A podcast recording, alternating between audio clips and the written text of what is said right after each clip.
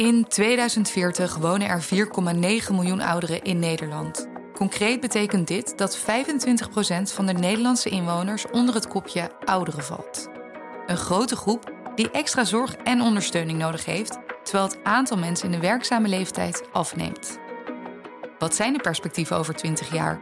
In Onderweg naar Zorgen zoeken Paul en Arnoud uit wat de grootste problemen, uitdagingen en belangrijke ontwikkelingen zijn om uiteindelijk advies te geven en zo zorgelozer de toekomst tegemoet te gaan.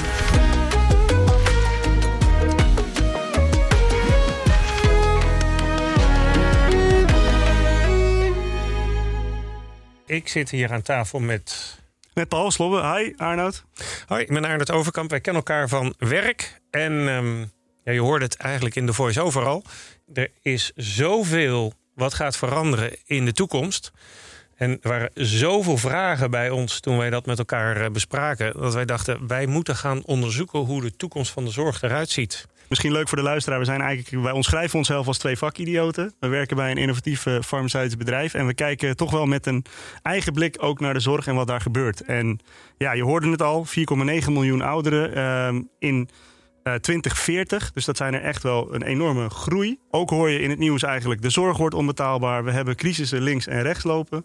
Hoe gaan we dat allemaal regelen met elkaar? Ja, ik, ik, vraag me ook even af, is het allemaal... Je hoort zoveel doemscenario's. Hè? Is, dat, is dat werkelijkheid of is er nog wat te veranderen zeg maar, in de komende twintig jaar? Overigens, hoe, hoe, oud ben jij over twintig jaar?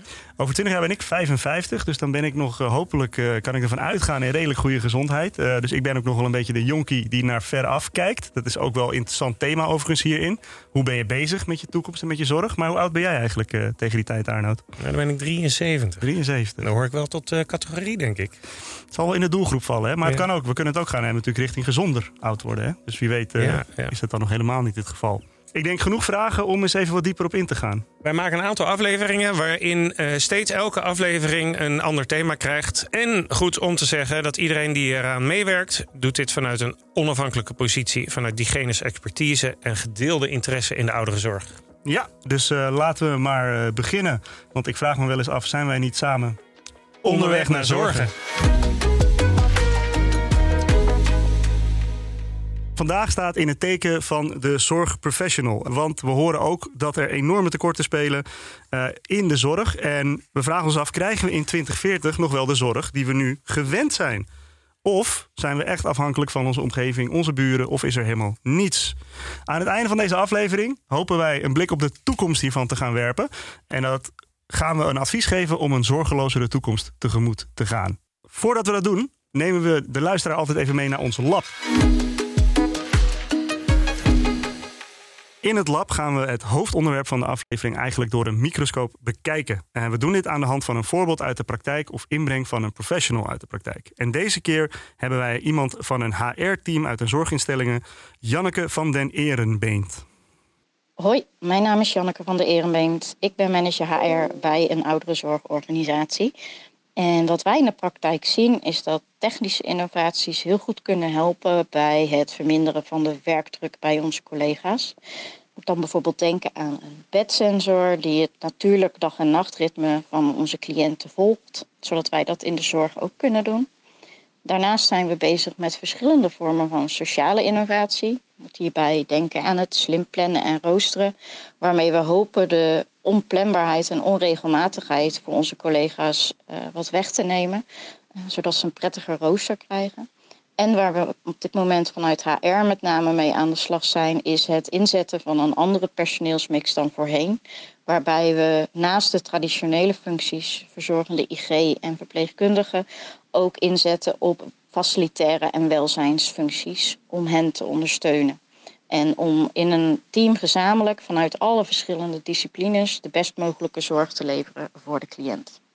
Ja, ik ho- hoorde het zeggen en ik ga meteen aan op die technische innovaties, maar dat had je misschien al wel een klein beetje verwacht. Dat dacht eh, ik al. Ja, dat dacht, dat je dacht al, hè? ik al. Nee, ik, eh, ik, ik hoor daar allemaal eh, dingen waar ik heel enthousiast van word. Want ik denk dat dat een enorme rol kan gaan spelen om dingen voor ons, of eigenlijk voor de mensen in de zorg weg te nemen, moet ik zeggen. Eh, je ziet de opkomst van AI. Ik geloof dat iedereen dat nu wel kent. Uh, maar hoe gaan we dat echt in de praktijk brengen? Ik denk, heel mooi thema. Gaan we gelukkig ook nog een aflevering over maken. Dus uh, daar komen we zeker nog uitgebreid op terug. Maar uh, ik hoorde ook iets waar ik denk dat jij wel op afging. En ja, dat is... ik ga af op die sociale innovatie. Ik vind dat zo interessant. En ik vind dat misschien moeten we daar wel een aflevering over gaan maken. Want het is zo uh, voor mij verbonden. Hè, de, de, problematiek ouderenzorg in de toekomst met wat, hoe ga je daar sociaal mee om uh, in Nederland als, uh, als samenleving. Dus um, dat vond ik een heel ja. relevant punt. Ik denk het derde punt is misschien wel heel relevant voor vandaag. Zeker, zeker. Dus ik denk dat het ook tijd is om door te gaan naar onze volgende rubriek. En ja. Arnoud, dat is? De spreekkamer.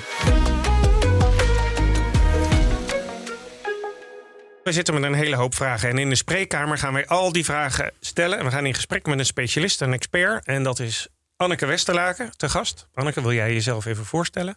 Zeker, ik ben Anneke Westerlaken, voorzitter van branchevereniging Actis. Een vereniging waar zo'n 400 zorgorganisaties lid van zijn. Voordat we beginnen, ik, stel eigenlijk altijd iedereen een vraag en ik durf het bijna niet, maar ik ga het wel doen. Hoe oud ben jij in 2040? dat is over 17 jaar en ik ben nu 40, dus dan ben ik uh, 57. En dat betekent waarschijnlijk dat ik de banen voor het uitkiezen heb. Omdat dan ongeveer 1 op de 4 uh, of 1 op de 3 mensen al niet werkend is in Nederland. Hè, of te jong of al gepensioneerd. En steeds meer gepensioneerd. Dus ik kan zeker uh, fulltime aan het werk. En de kans is groot dat ik dan ook wel wat mantelzorgtaken inmiddels uh, op me zal gaan nemen. In 2040 zag ik staan dat we vier keer zoveel ouderen hebben die 100 jaar oud worden dan in 2018. Ja, de ehm, burgemeesters die krijgen het druk. ja. ja, ja. Ja, het zegt natuurlijk twee dingen. We worden met z'n allen ouder, maar dat bevestigde je net al. Maar voor mij zei het ook uh, dat we wellicht gezonder ouder worden dan we nu zien. Betekent dat een andere vraag over 20 jaar? Andere zorgvraag? Ja, dat gezonder ouder worden hangt heel erg af van je sociaal-economische positie. Dus we zien dat mensen die langer onderwijs, meer theoretisch onderwijs hebben gevolgd, die worden over het algemeen veel ouder en die worden ook gezonder oud dan mensen die dat eh, minder hebben gedaan. Dus daar zien we een best wel scherp verschil. En dat, dat wordt ook nog niet minder. Dus dat is echt wel zorgwekkend. Um, en ja, vaak zit er toch aan dat laatste stuk van je leven. Is, is bijna iedereen wordt wel een keer afhankelijk uh, van zorg. In, in welke vorm dan ook. Dus we worden steeds ouder. En we worden gelukkig ook uh, relatief gezonder oud. Hè. De ene groep dus meer dan de ander. Uh, maar toch gaat die, gaat die zorgvraag echt wel toenemen ja. Je noemde net al, we hebben eigenlijk straks niet het personeel om dat allemaal te, te bolwerken zoals we dat nu doen. Uh, als ik even een beetje vanuit mezelf redeneer, dat, dat is misschien wel de verwachting die mensen een beetje hebben. Hè, dat het opgelost wordt voor ze. Maar wat we eigenlijk zeggen is, we hebben minder mensen, dus er, is, er moet een keuze gemaakt worden.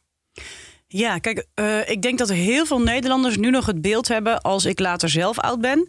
Of als mijn ouders uh, of andere naasten hulp nodig hebben, dan kunnen die terecht. Sommige mensen denken zelfs nog in een bejaardenhuis. Uh, die, die zijn er eigenlijk al helemaal niet, meer.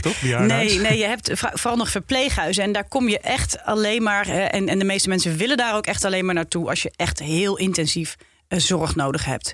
Die toegang tot die verpleeghuizen die, die wordt steeds strenger. Uh, het is de bedoeling dat er steeds meer mensen die oud zijn en zorg nodig hebben thuis blijven wonen. De meeste mensen willen dat ook graag.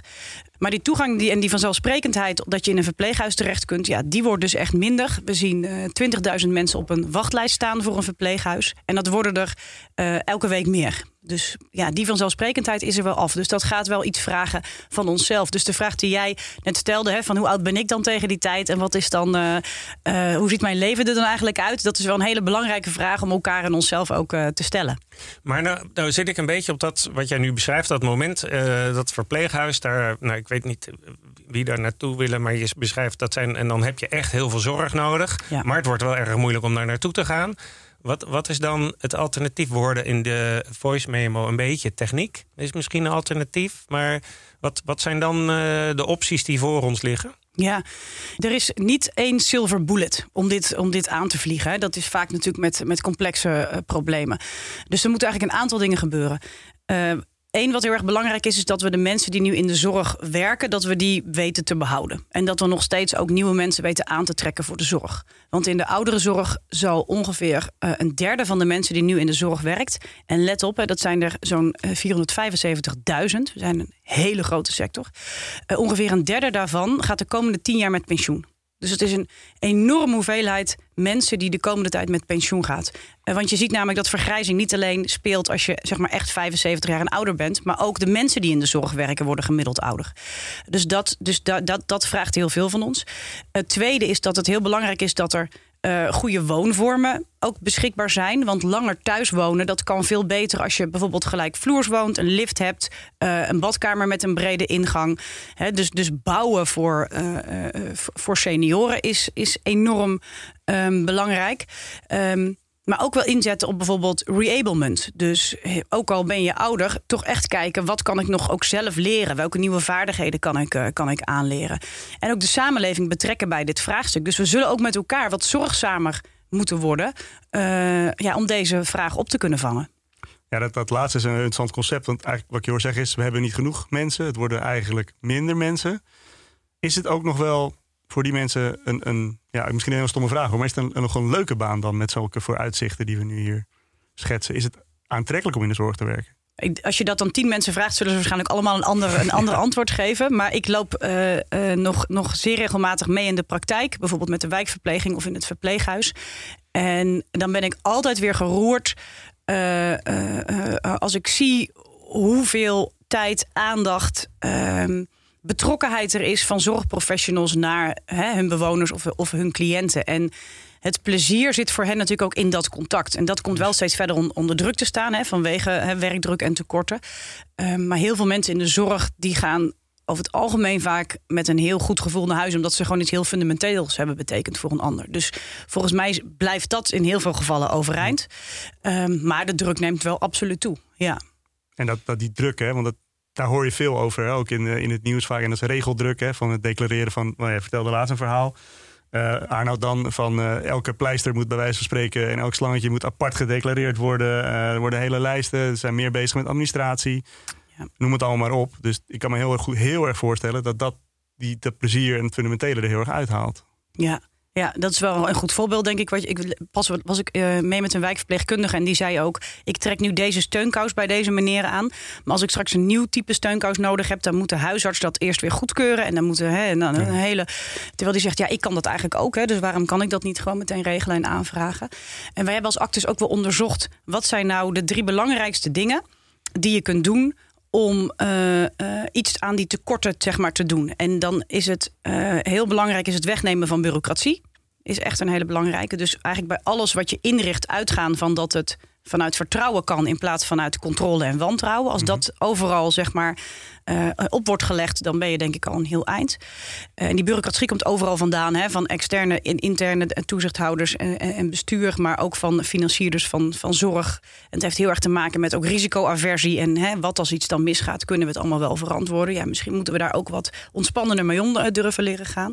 Dus die bureaucratie meer wegnemen is belangrijk. Tweede is inderdaad de inzet van technologie. Ik kwam net al terug, een slimme matras werd net genoemd, met AI bijvoorbeeld ook roosteren.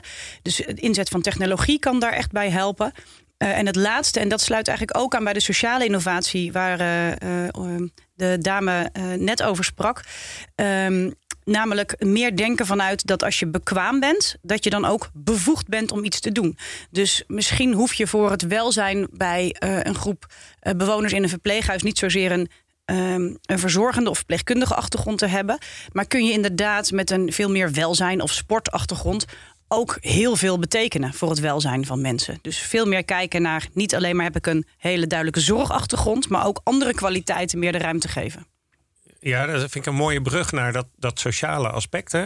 Waarbij uh, misschien samen eigenlijk wel verantwoordelijk bent voor de mensen in je omgeving. Kan familie zijn, maar kunnen ook je buren zijn. Hè? En, ja. en misschien is dat wel weer terug, dat linkje naar, naar mantelzorg, zoals je dat beschreef. Hè? Dus die sociale innovatie lijkt me heel relevant. Ja. Maar waar komt die vandaan, die sociale innovatie? Wie, wie is daar de regiehouder? Want spontaan gaat het niet gebeuren. Ik denk eigenlijk dat het ook soms wel uh, spontaan uh, wel is gebeurd. Er is bijvoorbeeld een uh, zorgorganisatie in Amsterdam die ook heeft gezegd: wij zoeken blijmakers. Dus wij gaan niet op zoek naar verzorgenden of verpleegkundigen. Wij zoeken blijmakers die iets kunnen om de dag van de mensen die bij ons in het verpleeghuis wonen gewoon een mooiere dag te geven. Dus daar kwamen ook na corona heel veel mensen uit de horeca of uit de kunstsector bijvoorbeeld op af, die weer een hele andere blik meenemen uh, om aan dat welzijn te werken. Want nu merk je in de zorg dat er best wel veel wordt gedacht vanuit een medisch specialistische overtuiging. Hè. Het gaat vooral om: is er een goed gewicht? Uh, krijgen mensen de juiste medicatie? Terwijl juist als je ouder wordt en je zit in, dat, in, in die laatste levensfase, want dat is het natuurlijk vaak, gaan ook hele andere dingen zijn dan heel erg van belang. Hè. Hoe is het contact met de mensen om me heen? Zijn er nog verhalen die ik te vertellen heb? Uh, wat ga ik ochtends ook doen als ik wakker ben? Is, zit er nog iemand op mij te wachten om, uh, voor een praatje of voor gezelligheid? Dus dat soort aspecten, ja, die zijn ook gewoon heel belangrijk in de ouderenzorg. Uh, jij zei, dit was een beetje de sociale innovatie in die Daarvoor noemde je de technische innovaties. Ja. En daar krijg ik altijd een beetje het gevoel van... waar, waar is dan de menselijke maat nog? Hè? Dan gaan we straks uh, sensoren in matrassen... en dan gaan robots me in en uit een bed helpen. En, uh, en, en dan ben ik gelukkiger mens van? Of? Nee, het, het, het, klinkt alsof je er niet zoveel zin in hebt. Maar het is niet een heel prettig vooruitzicht, toch? Nee, en wij hebben ook wel publieksonderzoek gedaan... naar de vraag in hoeverre denken Nederlanders nou na over het ouder worden? En wat helpt dan wel en niet? En dan blijkt ook dat je als je over robots begint, dan blokkeert het wel vaak. Dus dat is voor veel mensen niet een super aanlokkelijk uh, perspectief. Nou, grap ik overigens thuis wel eens, want wij hebben een kleine uh, tackle. Dat ik die later best wel opgezet wil hebben. En dan met zo'n batterijtje erin dat die zo nog lijkt te ademen, zeg maar. Hè? Als ik straks uh, wellicht dement ben. En dan lijkt het me heel leuk dat ik dan nog dat vertrouwde gevoel van die tackle op schoot heb. Dus wellicht, in sommige gevallen is het best wel prettig, zo'n zo'n robotje. Maar absoluut is de menselijke maat daarin heel erg, heel erg belangrijk. En wat ik bijvoorbeeld hoor op het voorbeeld van de bedsensoren, is dat dat wel echt het heel makkelijk maakt om uit te lezen: is iemand ochtends wakker? Heeft iemand goed geslapen? Wat is een moment om een kamer in te gaan? Hè? Als iemand nog heel diep, diep ligt te slapen, dus nog niet. En dan kun je ook goed, goed inschatten wanneer wil iemand aan de dag uh, beginnen. Dus uh, vaak werkt het wel. Ook s'nachts uh, weet je ook gewoon of iemand uit bed is gevallen of, of niet. Dus het kan absoluut helpen. Maar er zit ook altijd het gevaar in het gebruik van technologie dat we meer kunnen meten en daardoor ook registreren. En dat je daardoor weer in die bureaucratie hè, juist weer mogelijk ja. uh, uh, vervalt. Nog even los van privacy uh, aspecten. Maar daar zit dus ook wel een ethische kant aan. Hè, dat, iets, dat iets kan, moet je het dan ook altijd willen. En ik denk dat het antwoord daarop ja is. Als het beter is voor de bewoner of patiënt. Hè, dat kan een reden zijn om technologie in te zetten. Of als het arbeidsbesparend werkt. Dus als, het, als de zorgprofessional er iets mee opschiet. En volgens mij moet je door die filter ook kijken bij de inzet van, van technologie. Ja. Vind, vind ik een hele mooie opmerking. Want ik vraag me dus wel eens af of zeg maar, als je kijkt naar de beleidsmakerkant of de betalerkant, of die door die bril kijkt. Of kijken die met name, en ja, ik ga het antwoord misschien een beetje op voorsorteren, maar meer in een prijsvolume. Hè? Dus ik heb zoveel handelingen gedaan en uh, dat was dan uh, goed. Uh, dan hebben we kwaliteit geleverd tussen aanhalingstekens. En ik vind het een heel mooi beeld wat je schetst. Maar ik vraag me wel eens af, ja, er moet wel wat, ergens moet iets veranderen in, in die blik, denk ik ook. Omdat ja ja. te realiseren misschien wel. Ja, want wat zie je daar zo gebeuren rondom bijvoorbeeld dat prijsvolume? Ja, ik zie, en als ik het voorbeeld uit de medisch specialistische zorg mag, mag halen, mm daar, daar zie je dat bijvoorbeeld ziekenhuizen heel erg een budget bepalen op ik moet zoveel verrichtingen doen uh, en ik krijg er zoveel geld voor en ik moet zorgen dat ik ze allemaal doe. Ja. En als ik ze niet doe, wat misschien beter is voor een patiënt, dan loop ik geld mis. Ja. Dus budgetoptimalisatie of zo. Ja, zo zou je hem kunnen noemen. Ja. Ja, ja. Dus we belonen eigenlijk handelen en we laten het niet handelen liggen. Ja. Uh, terwijl in heel veel gevallen kan niet handelen, denk ik, ook wel zinnige zorg of passende zorg, of noem het woord even wat we daarvoor hebben, zijn. En daar, als ik jou hoor praten, dan gaat daar mijn zorg natuurlijk. Ik denk, ja, maar we stimuleren wel op uh, dingen doen en volume draaien. En ja. niet op dingen niet doen, of misschien laten of anders. Ja, ja dat is heel herkenbaar. Want uh, uh, het is nu bijvoorbeeld zo, als je iemand leert om met een, met een speciale bril eigen ogen te druppelen uh, uh, dan krijg je dat vervolgens niet meer vergoed. Terwijl als je twee keer per dag langs gaat om het te doen, krijg je dat wel vergoed.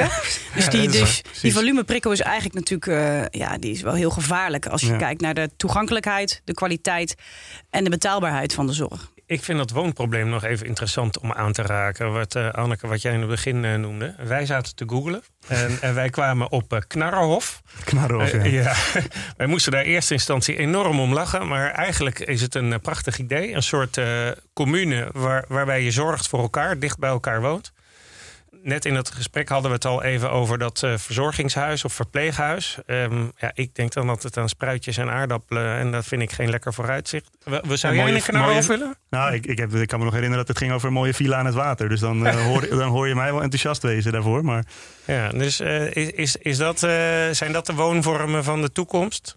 Ja, dat, dat, dat, zie je wel steeds meer. Maar die bouwopgave die is enorm ingewikkeld.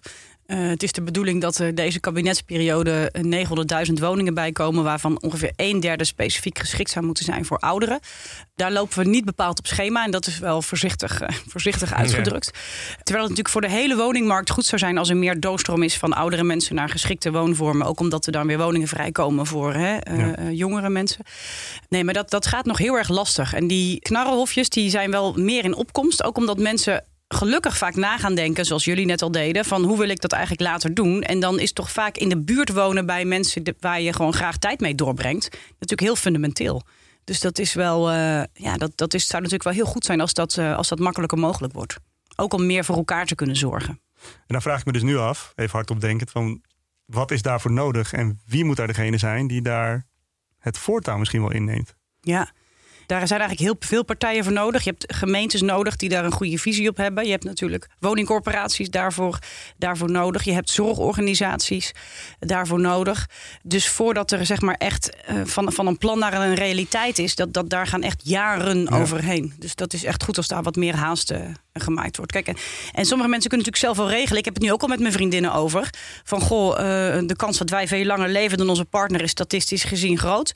Dus misschien moeten wij op tijd ook met elkaar een keer gaan kijken waar we dan gaan wonen en hoe we dat, hoe we dat gaan organiseren. Ja. Ja. ja, ik vind het wel goed dat je er alvast over nadenkt. Dus, uh, ja. doet me altijd een beetje aan het pensioenverhaal denken. Waarbij iedereen zegt, ja, je moet over je pensioen nadenken. En uh, krijgen we dan misschien mensen zover. Maar hier ja. moet je eigenlijk ook over na gaan denken op tijd. Klopt, hier moet je inderdaad over na gaan denken. En ik heb een tijdje in de pensioensector gewerkt. En er is ook veel onderzoek gedaan naar wat maakt nou dat mensen niet graag nadenken over hun pensioen. En dat komt omdat de, de relatie in je hersenen tussen pensioen, oud worden en sterven vrij snel is gelegd. Dus dat, dus dat is gewoon geen prettige, uh, even, dat Zwitserlevergevoel, zeg maar, dat is niet, ja. uh, niet bepaald uh, voor iedereen ook wel de norm, denk ik. En dat geldt natuurlijk ook met ouder worden. Hè. Het, is best wel een, het kan ook best een lastig gesprek zijn. Dat is ook de reden dat wij die, een campagne zijn gestart. praat vandaag over morgen. Waar ook allerlei vragen staan die je aan vrienden of aan familieleden kunt stellen. Om met elkaar dat gesprek toch uh, op gang te brengen. Hebben jullie het erover met elkaar of met vrienden of met familie? Misschien ouders waarvan je denkt die worden hulpbehoevend? Ik, uh, ik zal heel eerlijk zijn, ik niet. ik heb dat nog, nou, ik, nu, nu ik dat zo zeg. Ik heb het niet over mezelf, maar ik heb wel vrij recent, uh, is mijn vader, uh, en die is 70. En die heeft een vleesetende bacterie gehad, dat is een heel verhaal. Maar die is bijna zijn hele mobiliteit kwijtgeraakt. Dus die had ineens van nul naar heel veel ja. zorg nodig. Die eigenlijk natuurlijk de ziekenhuiszorg is geregeld, maar alles daaromheen, dat kwam toch wel op de schouders van mijn moeder terecht. Die ja. ook, ja, nou 65 is nu. Dus ook niet de jongste meer. En die moet dan ook al die, die mantelzorgtaken doen, terwijl ze zelf ook ouder wordt. Dus in ja. het perspectief van ouder worden in zijn algemeenheid, wordt dus de mantelzorg ook ouder. Ja. Heb ik daar zelf goed over nagedacht? Nou, nee dus. Maar ik heb wel daar die, die ervaring. En ik zie van, oh ja, dat is wel goed dat zij inderdaad gelijkvloers wonen. En dat ze door elkaar kunnen helpen. Want anders ja. zou dat dus voor een groot deel ja, bij mij of bij mijn vrouw terechtkomen. Ja, ja nog niet goed over nagedacht. Nee. Ja. Dus het is een hele goede campagne, denk ik. Arnoud, jij? Ik denk dat ik het uh, met jou nog het meest over heb gehad uh, in de voorbereiding op deze podcast. Is eigenlijk het antwoord nee. Hm. nee. Anneke, ik vind wel dat we veel, uh, weliswaar heel realistisch, maar veel problemen zien eigenlijk. Als we twintig jaar vooruit willen kijken. Is er wellicht ook nog een hoopvol kantje aan de ontwikkeling? Nou, misschien uh, is een, een heel een mooie uitkomst van ons publieksonderzoek is ook dat een grote meerderheid van de Nederlanders zegt: ik wil eigenlijk wel heel graag iets voor iemand anders doen, hè, die misschien heel behoevend is. Dus ik denk dat potentieel aanboren, hè, dat naar elkaar omkijken. En ook al zijn het maar kleine dingen als even boodschappen meenemen... of, of je buurman helpen om een app te downloaden of boodschappen te, te, te bestellen. Ja, dat, dat ook in die dingen heel erg het perspectief zit. Ja, dus dat is heel erg, uh, wat kun je zelf doen? Ik zie toch ook wel een overheid die hier een regierol in heeft... met uh, toch wel vele crisissen die bij elkaar komen in dit probleem. Zie je daar een perspectief in vanuit de overheid geredeneerd? Of moet iemand anders dat misschien wel zijn? Veel van het huidige politieke debat gaat heel erg gaat over stikstof en, en, en migratie. Hè? En dat, ik wil absoluut niks uh, onderdoen aan die thema's. Maar zorg is wel iets wat natuurlijk veel meer Nederlanders veel directer eigenlijk raakt. Of mensen in hun omgeving. Dus ik hoop dat het thema wat hoger op de politieke agenda komt te staan. Uh, en dat er dan ook wat meer regie komt van de overheid om met die oplossingen ook aan de slag te gaan. Hè, waar het gaat om het belonen van zorgmedewerkers of de bouwopgaven. Maar ook het eerlijke verhaal dat er ook meer zorgzaamheid naar elkaar nodig zal zijn. Omdat professionele zorg niet meer altijd het antwoord kan geven op vragen. En bovendien zie je ook wel dat heel veel zaken die eigenlijk niet met de zorg te maken hebben, daar wel terechtkomen. Hè? Als je in een hele beschimmelde woning woont, hè, is dat slecht voor je gezondheid. Als je heel lang in armoede leeft, uh, uh, doe je een groter beroep op, op de gezondheidszorg. Dus ik hoop dat de overheid wel meer in zijn geheel gaat kijken naar wat kunnen we nou doen om gezondheid in brede zin te bevorderen en daar ook uh, actie op gaat ondernemen. Moet daar niet ook veel meer in scenario's gedacht worden of langetermijnplannen? Want ik, ik merk dat we deze problemen die we schetsen hier zijn ook niet morgen opgelost. Maar we moeten ook niet hebben dat we over vier jaar weer een andere koers gaan varen. Dus hoe, hoe borgen we dat? Ja, er is nu een integraal zorgakkoord afgesproken met, uh, met partijen. Dat wijst wel de goede richting op. Namelijk meer doen aan preventie en ook echt goed kijken naar wat de eerste lijn zorg, zoals de huisarts en de wijkverpleging, uh, wat, wat, wat daar kan gebeuren. Uh, dus ik denk dat we daar in ieder geval op, op door moeten gaan. maar voor de verdere toekomst zou het vooral denk ik heel erg mooi zijn als er algemene gezondheidsdoelen komen. En dat we daar voor langere perioden ook op sturen.